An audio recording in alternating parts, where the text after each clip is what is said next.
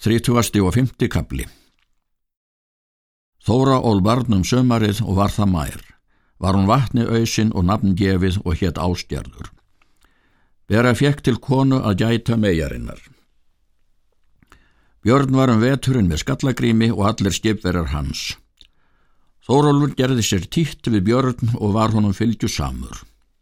En er vor kom, þá var það einhver dag að Þórólfur gekk til máls við föður sinn og spurði þess hvert ráð hann vildi leggja til við Björn veturgest sinn eða hverja ásjá hann vildi honum veita.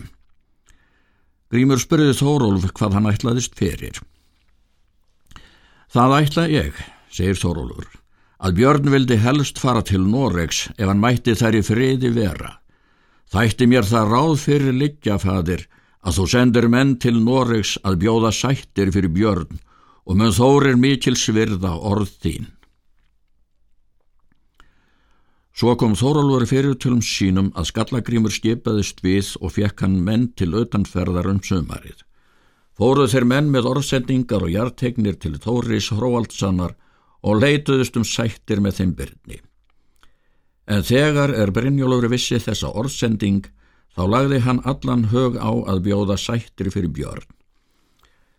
Kom þá svo því máli að Þórir tók sættir fyrir björn því að hann sá það að þá var svo komið að Björn þurfti þá ekki að óttast um sig.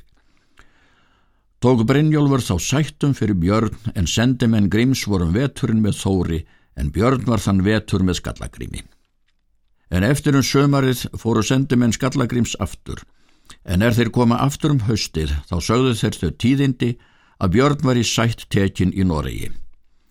Björn var henn þriðja vetur með Skallagrími en eftir um vorið bjóst hann til brottferðar og svo svein manna er honum hafið þangað fyllt. En er Björn var búin ferðar sinnar, þá sagði Bera að hún vill að ástjörður fóstra hennar sé eftir, en þau Björn þekktust það og var mærin eftir og fættist þar upp með þeim skallagrími. Þórólfur, svonu skallagríms, reðst til ferðar með Byrni og fekk skallagrímur honum farar efni. Fór hann auðtan um sömarið með Byrni. Greitist þeim vel og kom af hafi utan að sognsæ. Sildi Björn þá inn í sogn og fór síðan heim til föður síns. Fór Þórólfur heim með honum. Tók Brennjólfur þá við þeim fegin samlega. Síðan voru gerð orð Þóri Róald sinni. Lögðu þeir Brennjólfur stefnu sína í milli. Kom þar og Björn til þeirra stefnu. Tregðu þeir Þórir þá sættir með sér. Síðan greiti Þórir af hendi fjöð það er Þóra átti í hans gardi og síðan tóka þeir upp Þórir og Björn vináttu með tengdum. Var Björn þá heima á Örlandi með Brynjólfi. Þórólfur var og þar í allgóðu yfirlæti af þeim feðgum.